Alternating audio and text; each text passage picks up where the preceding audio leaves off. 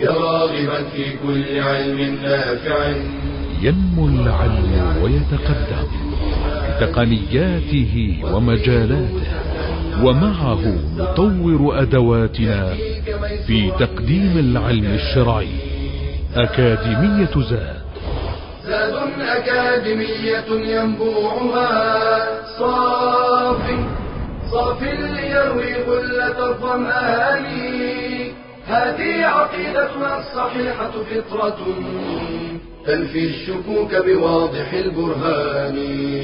بشرى لنا ذات أكاديمية للعلم كالأزهار في البستان.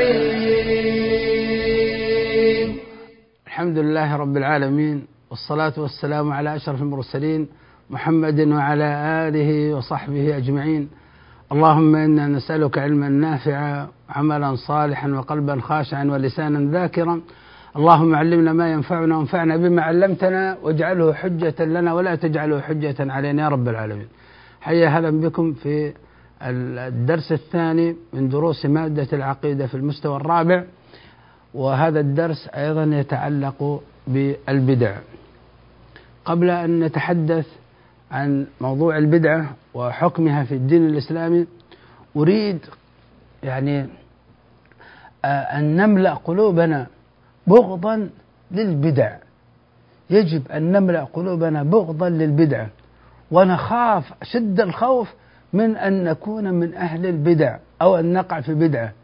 لابد أيها الأحبة في الله أن نملأ قلوبنا بغضا للبدع وخوفا من الوقوع فيها. الأمر الثاني لا بد أن نعرف هذه البدع حتى لا نقع فيها.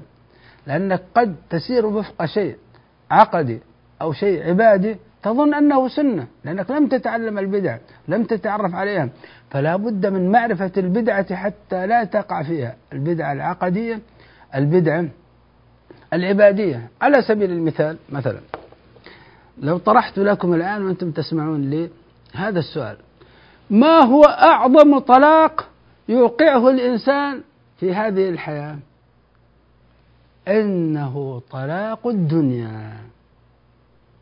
وهذا الطلاق للدنيا آه يعني مرتبة عالية قد لا يستطيع أن يصلها كل شخص. وعلامة وقوعك في طلاق علامة وصولك إلى طلاق الدنيا أن ترى زوجتك كأرملة وأولادك كاليتامى. يعني تصبح في هذه الدنيا جسد وأما روحك فهي محلقة في الآخرة. تكون يعني ميت. لا أنت من من عداد الأموات في هذه الدنيا. لأن قلبك كله لا يفكر إلا في الآخرة. قلبك كله ومشاعرك كلها ليست مع أهل الدنيا في شيء. ما رأيكم في هذا؟ أليس هو حلم كل واحد منا أن يصل إليه؟ هذا أيها الأحبة في الله هذا انحراف عن دين الإسلام. قد يكون حلم للبعض لكنه حلم في دين الإسلام حلم محرم. ولم يأمرنا الله سبحانه وتعالى ولم يأمرنا رسولنا صلى الله عليه وسلم بهذا الأمر. هذا ابتداع في الدين. قد يسير الإنسان وفق هذا وقد يمارس رياضات روحية ورياضات بدنية حتى يصل لمثل هذا الأمر وهو مبتدع في, وهو مبتدع ويعمل بدعة في دين الإسلام وهو آثم في ذلك وهذا الأمر محرم عليه. قل من حرم زينة الله التي أخرج لعباده والطيبات من الرزق؟ لا أريد أن نستطرد يعني في هذا الموضوع لكن أن يجعل أن تجعل الدنيا والآخرة طريقان متوازيان إما أن تكون من أهل الدنيا أو من أهل الآخرة هذا مفهوم خاطئ. هذا مفهوم خاطئ. دين الإسلامي الدنيا والآخرة طريق واحد. يبتدي بالدنيا وينتهي بالآخرة. لن تعمر آخرتك العمارة الشرعية المطلوبة إلا بعمارة دنياك بإقامة شريعة الله والتعبد لله وفق ما شرع الله سبحانه وتعالى. ومن ضمن ما شرعه الله سبحانه وتعالى عمارة الأرض بكل ما هو نافع هو أنشأكم الأرض واستعمركم فيها. إن شاء الله يكون لها تفصيل في مكان آخر. المقصود لا بد أن يتعلم الإنسان ويعرف البدع العقدية البدع العبادية حتى لا يقع فيها. الأمر الثاني إذا شعرت أنك في بدعة ما عقدية في بدع عبادية إياك ثم إياك أن تستمر فيها وأن تكابر. لا بمجرد أن تشعر أن ممكن أنت تسير وفق تسير على عبادة بدعية. جاءك شخص طالب علم وقال لك قال الله قال رسوله. وأنت تسير على خلاف ما قاله الله وقاله قاله رسوله في العقيدة أو في العبادة يجب عليك أن تكف عنها وتتعلم ولا تستمر في البدعة. لا تستمر في البدعة أمرها خطير. وإذا كانت هذه البدعة فيها جاذبية فيها جاذبية جاذبية روحية جاذبية. أحيانا بعض البدع يزينها الشيطان. ويجتمع عليها الكثير من الناس. تأتي ببدعة يجتمع حولك كثير من الناس. تأتي بسنة لا يأتيك إلا القليل. تبتدع يأتي كثير. ويكون هذه البدع بهرج وزخرف وهكذا. اصبر اصبر عن البدع وجانب أهلها. وانشغل بالسنة وتعلم السنة وجالس أهلها. أريد أن أعطيكم بعض القواعد التي تنفر الإنسان من البدع. يجب أن تنظر إلى المبتدع وتنظر إلى صورة المبتدع الصورة الحقيقية. أولا المبتدع مبغوض عند الله. المبتدع يبغضه الله لا يحبه الله لا يحب الله جل جلاله. من يبتدع في دينه من يبتدع عقيدة لم, لم, لم يخبرنا الله بها من يبتدع عبادة لم يطلبها الله منا. هذا المبتدع مبغوض عند الله ليس محبوبا عند الله كما يظن. إنما هو مبغوض عند الله. لماذا؟ لأنه يدعي أنه مشارك لله عز وجل في التشريع فيحلل يحرم يأتي بأخبار من عند نفسه ويأمر الناس باعتقادها. فصورة المبتدع الحقيقية أنه مبغوض عند الله. المبتدع مفسد مفسد لدين الإسلام. يجب أن ننظر إلى المبتدع كما ننظر إلى ذلك المجرم الذي يقتل الناس. كما ننظر إلى ذلك المجرم الذي يعيث في الأرض الفساد. ننظر كذلك المبتدع أنه مفسد مفسد في الأرض لأنه يفسد على الناس دينهم. فما يقوم به من تغيير ومن تبديل في في دين الإسلام عقيدة وشريعة هو مفسد وهو أشد أنواع الإفساد في دين الإسلام. هذا الذي يبتدع شركيات يبتدع آه، عقائد تميل بالناس عن ملة الإسلام هذا مفسد. أيضا يا إخوان يجب أن ننظر للمبتدع أن هذا المبتدع مفتري مفتري يفتري الكذب على الله وعلى شرعه فيقول قال الله يقول هذا من شريعة الله وهو كاذب هذا مفتري. يجب أن ينظر إلى المبتدع وهذا كثير من الناس لا ينظرون هذه النظرة للمبتدع ينظرون المبتدع. الإنسان متدين إنسان مستقيم لكنه أخطأ. المبتدع منحرف المبتدع منحرف وليس مستقيما على الدين كما يظنه الناس. وإن كان شكله وإن كانت هيبته وإن كان ملتحيا وإن كان كذا لكن هو في الحقيقة هو منحرف. المبتدع بدعة عقدية المبتدع بدعة عبادية. هذا منحرف عن دين الله لا كما يظن الناس أنه مستقيم على دين الله. المبتدع ضال ليس مهتدي. المبتدع ضال لأنه ضال عن هدي رسول الله صلى الله عليه وسلم. هذه صورة المبتدع يجب أن نعدلها. نعدل صورة المبتدع في أذهاننا ونأتي بهذه الصورة الحقيقية. المبتدع مبغوض عند الله. المبتدع مفسد لدين الإسلام. المبتدع مجرم بما يرتكبه من جريمة عظيمة في حق الدين وفي حق المسلمين. المبتدع مفتري المبتدع منحرف المبتدع ضال. هذه الصورة التي ينبغي أن نستحضرها في أذهاننا عن المبتدع كذلك يا إخوان يجب أن ننظر إلى صورة البدعة بصورة بصورتها الحقيقية وصورتها الحقيقية صورة منفرة. البدعة مبعدة عن الله. البدعة الحقيقية البدعة صورة البدعة أنها مبعدة عن عن الله ليست مقربة من الله. البدعة بوابة الشرك. البدعة بوابة الشرك فهي مؤدية للوقوع في الشرك في الربوبية في الألوهية آه، وهكذا. البدعة معصية لله بل من أكبر المعاصي. البدعة من أكبر المعاصي. البدعة غير مقبولة في دين الإسلام بل هي مردودة على صاحبها مع الإثم. البدعة مفسدة لدين الله. البدعة مضلة عن دين الله. يجب أن نجعل صورة البدعة في أذهاننا بهذا الشكل المنفر حتى يعني يمتلئ قلب الإنسان خوف منها خوف منها ما, ما يريد البدعة. لأن بعض الناس يظن أنه إذا فعل بدعة تقربه إلى الله أن هذه البدعة يعني إنما أراد بها توحيد الله أن هذه البدعة ليس فيها معصية لله أن هذه البدعة قد تكون مقبولة. لا ليست كذلك. يجب أن يضع الإنسان هذه الصورة الحقيقية للبدعة في ذهنه. نأخذ فاصل ثم نكمل بإذن الله الحديث في ذلك. بشرى لنا أكاديمية للعلم كالأزهار في البستان.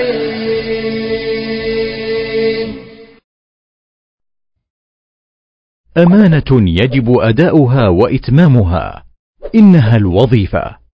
فمن صفات المؤمنين. والذين هم لأماناتهم وعهدهم راعون. فعلى الموظف إتقان عمله قال صلى الله عليه وسلم إن الله يحب إذا عمل أحدكم عملا أن يتقنه وليلتزم بمواعيد الدوام بداية ونهاية ولا يتغيب عنه إلا لعذر قاهر وليحافظ على أسرار الوظيفة وخصوصيات جهة العمل وعلى الأجهزة والأدوات التي في محل عمله ولا يفسد شيئا منها. قال تعالى ويسعون في الأرض فسادا والله لا يحب المفسدين. ولينفذ أوامر مديره فيما ليس بمعصية. قال تعالى يا أيها الذين آمنوا أطيعوا الله وأطيعوا الرسول وأولي الأمر منكم. وليراقب الله تعالى في وظيفته ولو كان مديره لا يراه قال صلى الله عليه وسلم في تفسير الإحسان أن تعبد الله كأنك تراه فإن لم تكن تراه فإنه يراك.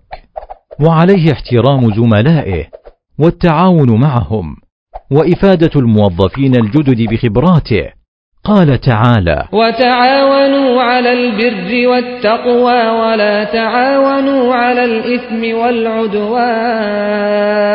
وليكن بشوشا لينا رفيقا مع مراجعيه وليقضي لهم حوائجهم. قال صلى الله عليه وسلم خير الناس أنفعهم للناس وليحذر من الرشوة ولو سموها هدية أو إكرامية. قال صلى الله عليه وسلم لعنة الله على الراشي والمرتشي وليعلم الموظف أنه مسؤول يوم القيامة عن عمله. قال تعالى فوربك لنسالنهم اجمعين عما كانوا يعملون.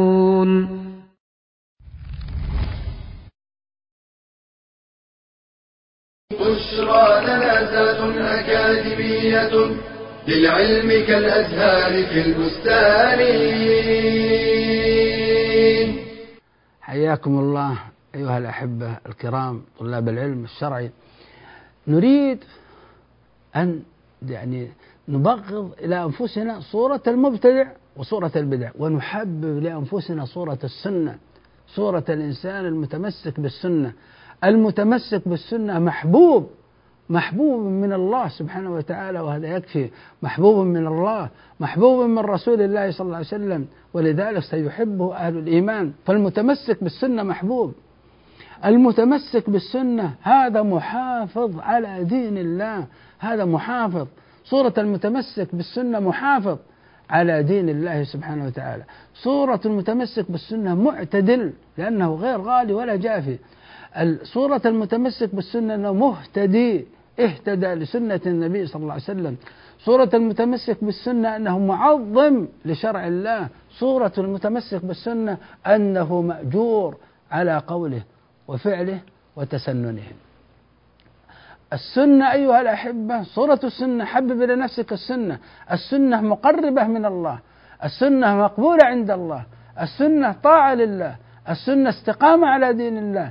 السنة مصلحة للدنيا والآخرة والفرد والمجتمع والقلب والبدن. لا كما يعني بعض الناس يقول نحن أتينا بهذه البدع من أجل أن نصلح القلوب من أجل أن نصلح مثلا الأبدان فيأتون بمثل هذه البدع. أبدا السنة هي المصلحة مصلحة للدنيا وللآخرة والفرد والمجتمع والقلب والبدن. السنة هي الهداية لصراط الله سبحانه وتعالى المستقيم. أيها الأحبة في الله سنأخذ بعض الآيات التي تبين لنا جريمة البدعة في ديننا الإسلامي. في المحاضرة الأولى اختتمنا بقوله سبحانه وتعالى أم لهم شركاء شرعوا لهم من الدين ما لم يأذن به الله. المبتدع فيحلل يحرم يضيف ينقص من من شريعة الله هذا هو طغى طغى وصار طاغوتا ورفع نفسه إلى مقام الخالق سبحانه وتعالى وينازع الله عز وجل في ربوبيته. فالمشرع هو الله التشريع لله. فمن يريد أن يكون مشرع مع الله هذا هذا والعياذ بالله منازع لله في ربوبيته.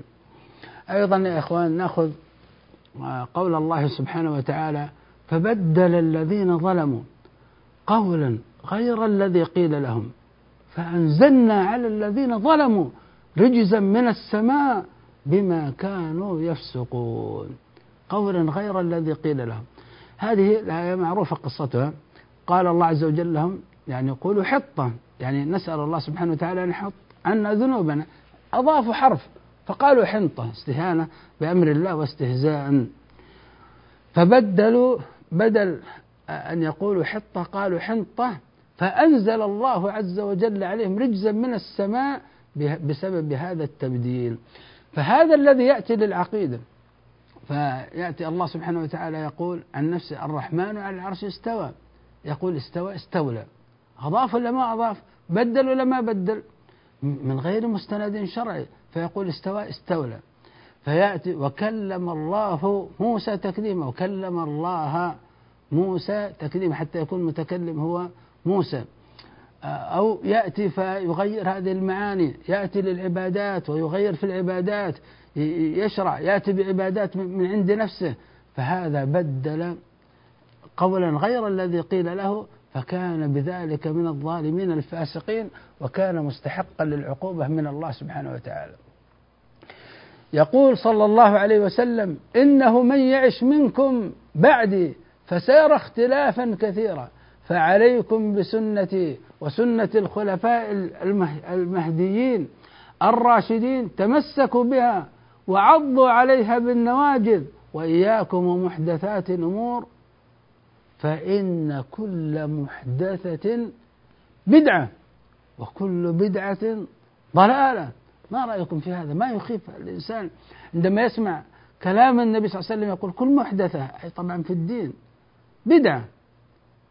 ابتداع. طيب والبدعة ممكن تكون هدى قال وكل بدعة ضلالة. كل ابتداع في الدين هو ضلال عن دين الله ضلال عن دين الإسلام فيصبح صاحبه ضال. يقول صلى الله عليه وسلم من أحدث في أمرنا هذا ما ليس منه فهو رد أي مردود عليه. من عمل عملا ليس عليه أمرنا فهو رد.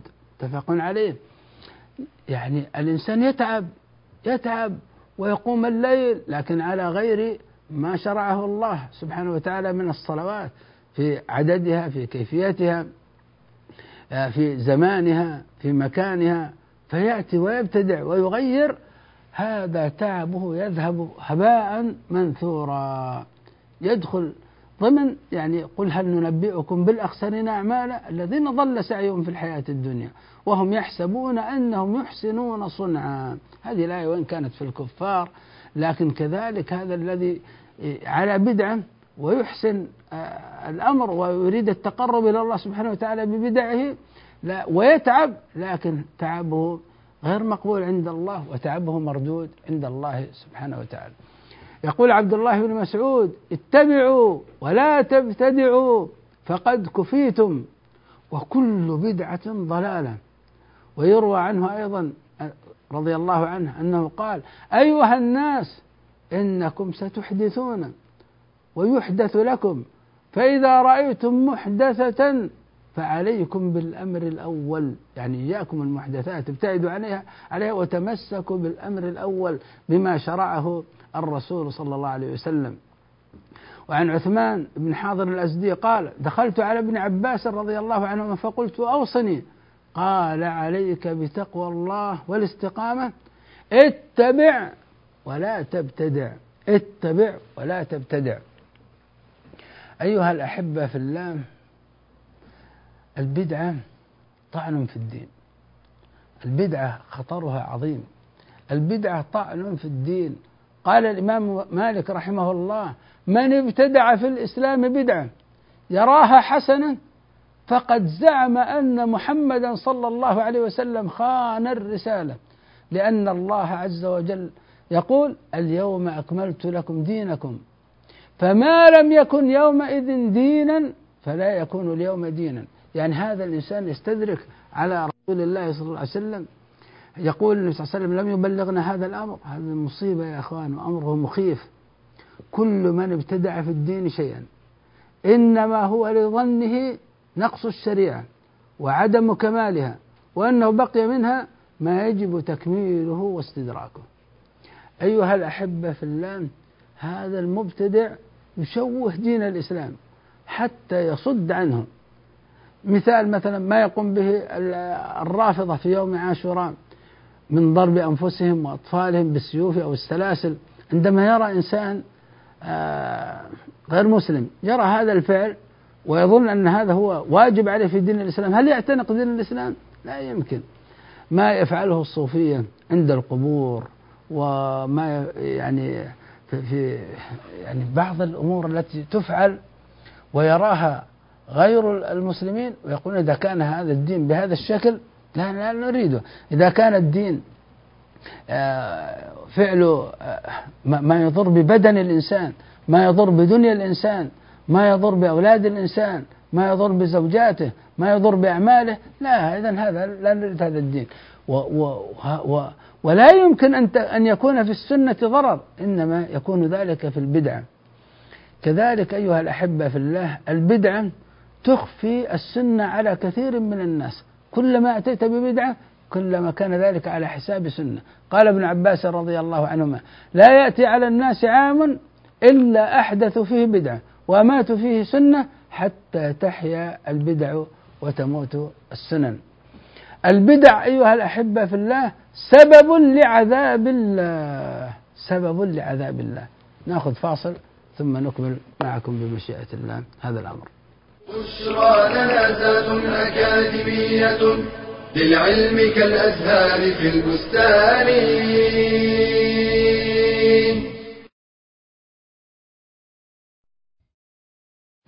يموج العالم بأنواع من المعاملات والعقود منها الحلال ومنها الحرام.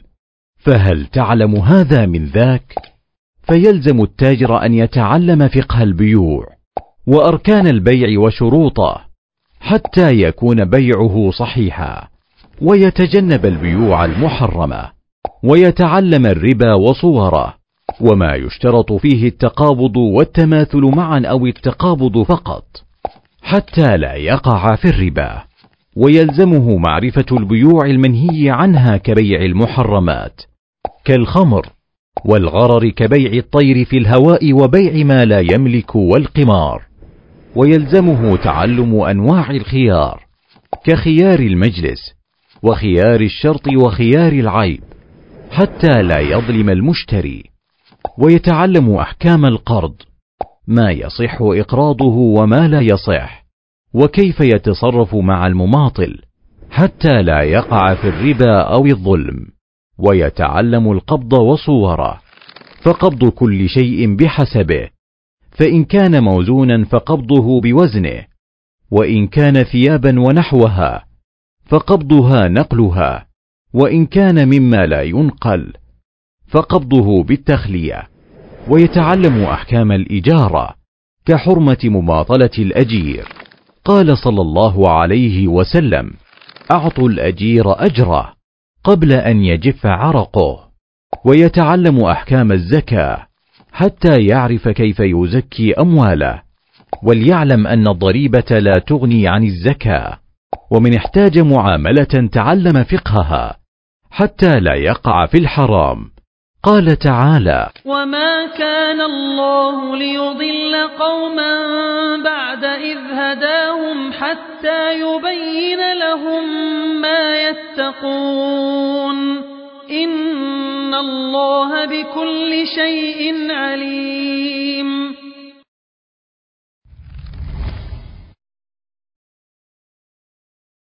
بشرى لنا أكاديمية للعلم كالأزهار في البستان. حياكم الله أيها الأحبة.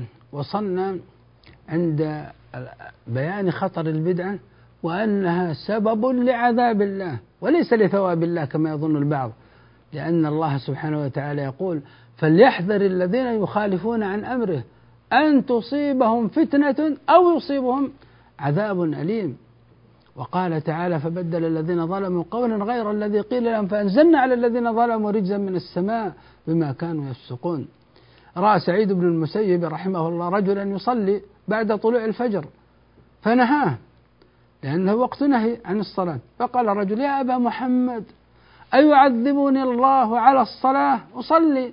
يعذبني الله على الصلاة. طيب نصلي.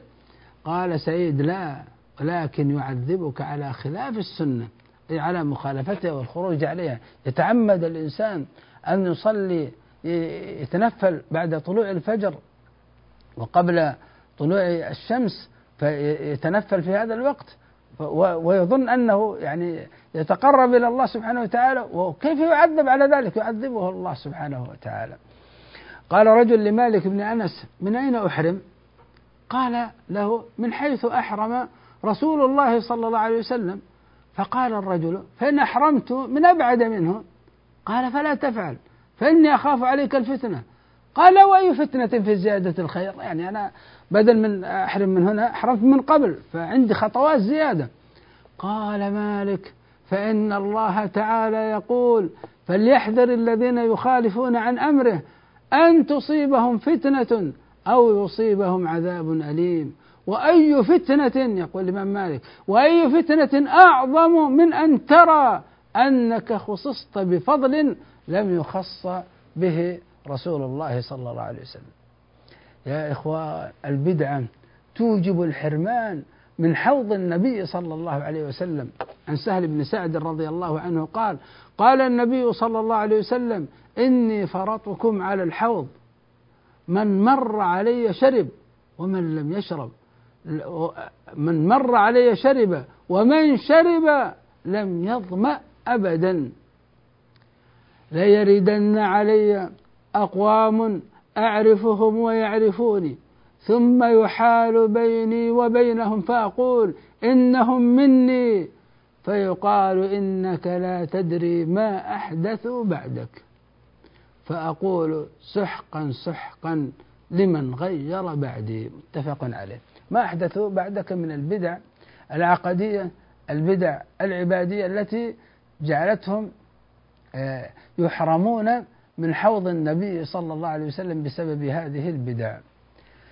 أيها الأحبة في الله ينبغي لنا أن ننفر للتحذير من البدع نحذر الناس من البدع آه، بالتحذير بالعلم والتحذير بالحق والتحذير بالعدل. قيل لأحمد بن حنبل رحمه الله الرجل يصوم ويصلي ويعتكف أحب إليك أو يتكلم في أهل البدع؟ فقال إذا قام وصلى واعتكف فإنما هو لنفسه وإذا تكلم في أهل البدع فإنما هو للمسلمين. هذا أفضل. المقصود يا أخوان في أهل البدع ليس كما يقوم به البعض يأخذ الصالحين ويأخذ الدعاء ويأخذ الأخيار ويبدأ يتحدث عن أخطاء يعني وقعوا فيها ويظن أنه بذلك هو يحافظ على السنة. لا لا المقصود بهذا البدع المعروفة بدع الخوارج بدع الإرجاء بدع القدرية بدع الجبرية بدع الرافضة. وحتى وأما البدع الخفية فيكون تركيز الإنسان على بيان البدعة على بيان البدعة وعلى إيضاحها. أما يتسلط الإنسان بعض الناس يأخذ مثل هذه الأشياء عن الإمام أحمد وغيره وينزلها في غير منازلها ينزلها في أهل الخير وأهل الصلاح الذين لهم جهود وهذا الجهد كلما أكثرت من الجهد وكلما بذلت لا بد أن يكون هناك أخطاء هناك يعني في الطريق زلات هناك هنات. فيتصل يتتبع هذا هذا انحراف هذا منحرف هذا مبتدع أصلا. هذا فعله بدعة فعله هذا هو ابتداع. وليس تلك الأخطاء نسميها بدعة. لكن النقد والبيان والمناصحة لأولئك على ما وقع فيه من أخطاء غير مع حفظ أقدارهم وحفظ مكانتهم هذا موضوع آخر. أما نفرح بالزلات من أجل إسقاط الأشخاص بحيث ما يصبح عندنا دعاة ولا يصبح عندنا معلمين ولا يصبح عندنا أخيار لأن ما من شخص إلا عنده أخطاء فنكبر تلك الأخطاء فيصبح ما عندنا أخيار. البتة هذه مصيبة ليس هذا هو المقصود. أيها الأحبة في الله هل هناك فرق بين العادات والعبادات؟ يعني عادات الناس الأمور الدنيوية والعبادية. هناك فرق يا أخوان. العادات والأمور الدنيوية الأصل فيها الإباحة. قال الله عز وجل هو الذي خلق لكم ما في الأرض جميعا منه. آه فالأصل في الأمور الدنيوية أنك تبتدع. أما أما الأصل في العبادات فهو الحظر والمنع حتى يقوم دليل على المشروعية. لقوله تعالى أم لهم شركاء شرعوا لهم من الدين. قال شيخ الإسلام الأصل في العبادات ألا يشرع منها إلا ما شرعه الله والأصل في العادات ألا يحضر منها إلا ما حضره الله. قال ابن القيم رحمه الله والفرق بينهما أن الله سبحانه وتعالى لا يعبد إلا بما شرعه على ألسنة رسله فإن العبادة حقه على عباده وحقه الذي أحقه هو ورضي به وشرعه. وأما العقود والشروط والمعاملات فهي عفو حتى يحرمها.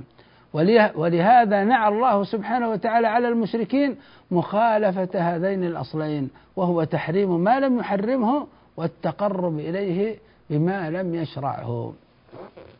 بقي قضية آه، قد يتحجج بها بعض الناس فيقول يعني نحن ابتدعنا لكن هذه بدعة حسنة. ويقول أنتم بالغتم كل بدعة ضلالة لا هناك بدعة حسنة وبدعة سيئة. نقول إذا كانت تقصد بالبدعة الحسنة أمور دنيوية فكلامك صحيح. أما في الدين قال النبي صلى الله عليه وسلم كل بدعة ضلالة. طيب سيقولون مثلا النبي صلى الله عليه وسلم قال من سن في الإسلام سنة حسنة. لاحظ النبي صلى الله عليه وسلم قال في الإسلام من سن في الإسلام سنة حسنة. يعني هذا الدين الإسلامي وهو ابتدأ هذا العمل المشروع هو بدأه هو سبق إليه سواء كان السبق يعتبر في ذلك الوقت أو سبق في التنفيذ أول واحد يعمل بتلك السنة. فسنها هذا المقصود. من سن في الإسلام يعني أمر مشروع هو بدأ في تنفيذه. إما بداية خاصة مثال مثلا الصدقات الآن فجاء شخص يدعو الناس يحثهم على الصدقة فهذا أول من بدأ يقال عنه سن في الإسلام سنة حسنة. فله أجرها وأجر من عمل بها بعده من غير أن ينقص من أجورهم شيء أخرجه مسلم لأنه ماذا؟ هو الذي أبرزها وهو الذي عمل بها. فالمقصود أيها الأحبة من الحديث من أحيا سنة ثابتة بأصل الشرع فله أجرها فهو لم يبتدع شيئا من عند نفسه. ويدل على ذلك مناسبة الحديث. فإن الرسول صلى الله عليه وسلم لم يطلق هذه الكلمة سنة حسنة إلا على أمر له أصل في الشرع وهو الصدقة. وذلك أن سبب هذا الحديث أن وفدا من العرب كانوا على قدر كبير من الحاجة والفقر فحث النبي صلى الله عليه وسلم أصحابه على التصدق عليهم فجاء رجل من الأنصار بصدقة كبيرة ثم تتابع الناس من بعده على التصدق حتى تجمع قدر كبير من الصدقات.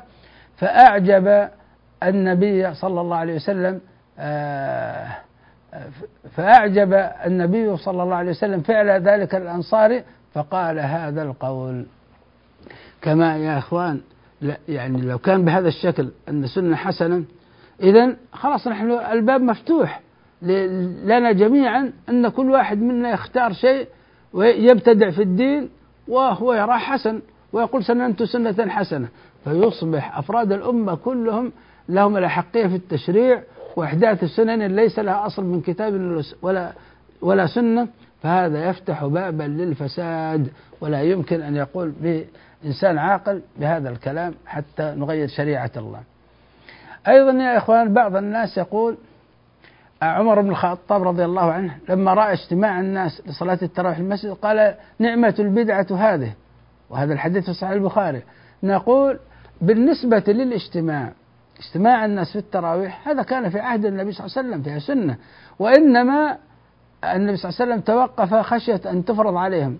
فعمر بن الخطاب رضي الله عنه أحيا هذه السنة. ف وقد زال المانع من أن تشرع بوفاته صلى الله عليه وسلم فهذا المقصود به أن هذه السنة قد أوقفت فأحياها وعمل بها. أيها الأحبة في الله نسأل الله عز وجل بأسمائه الحسنى وصفاته العلى أن يجعلنا جميعا من أهل السنة ويجنبنا ويجنبنا الوقوع في البدعة. وإلى درس قادم استودعكم الله. وصلى الله وسلم وبارك على عبده ورسوله محمد وجزاكم الله خيرا. يا راغبا في كل علم نافع. متطلعا لزيادة الإيمان. وتريد سهلا النوال ميسرا. يأتيك ميسورا بأي مكان. زاد زاد أكاديمية ينبوعها.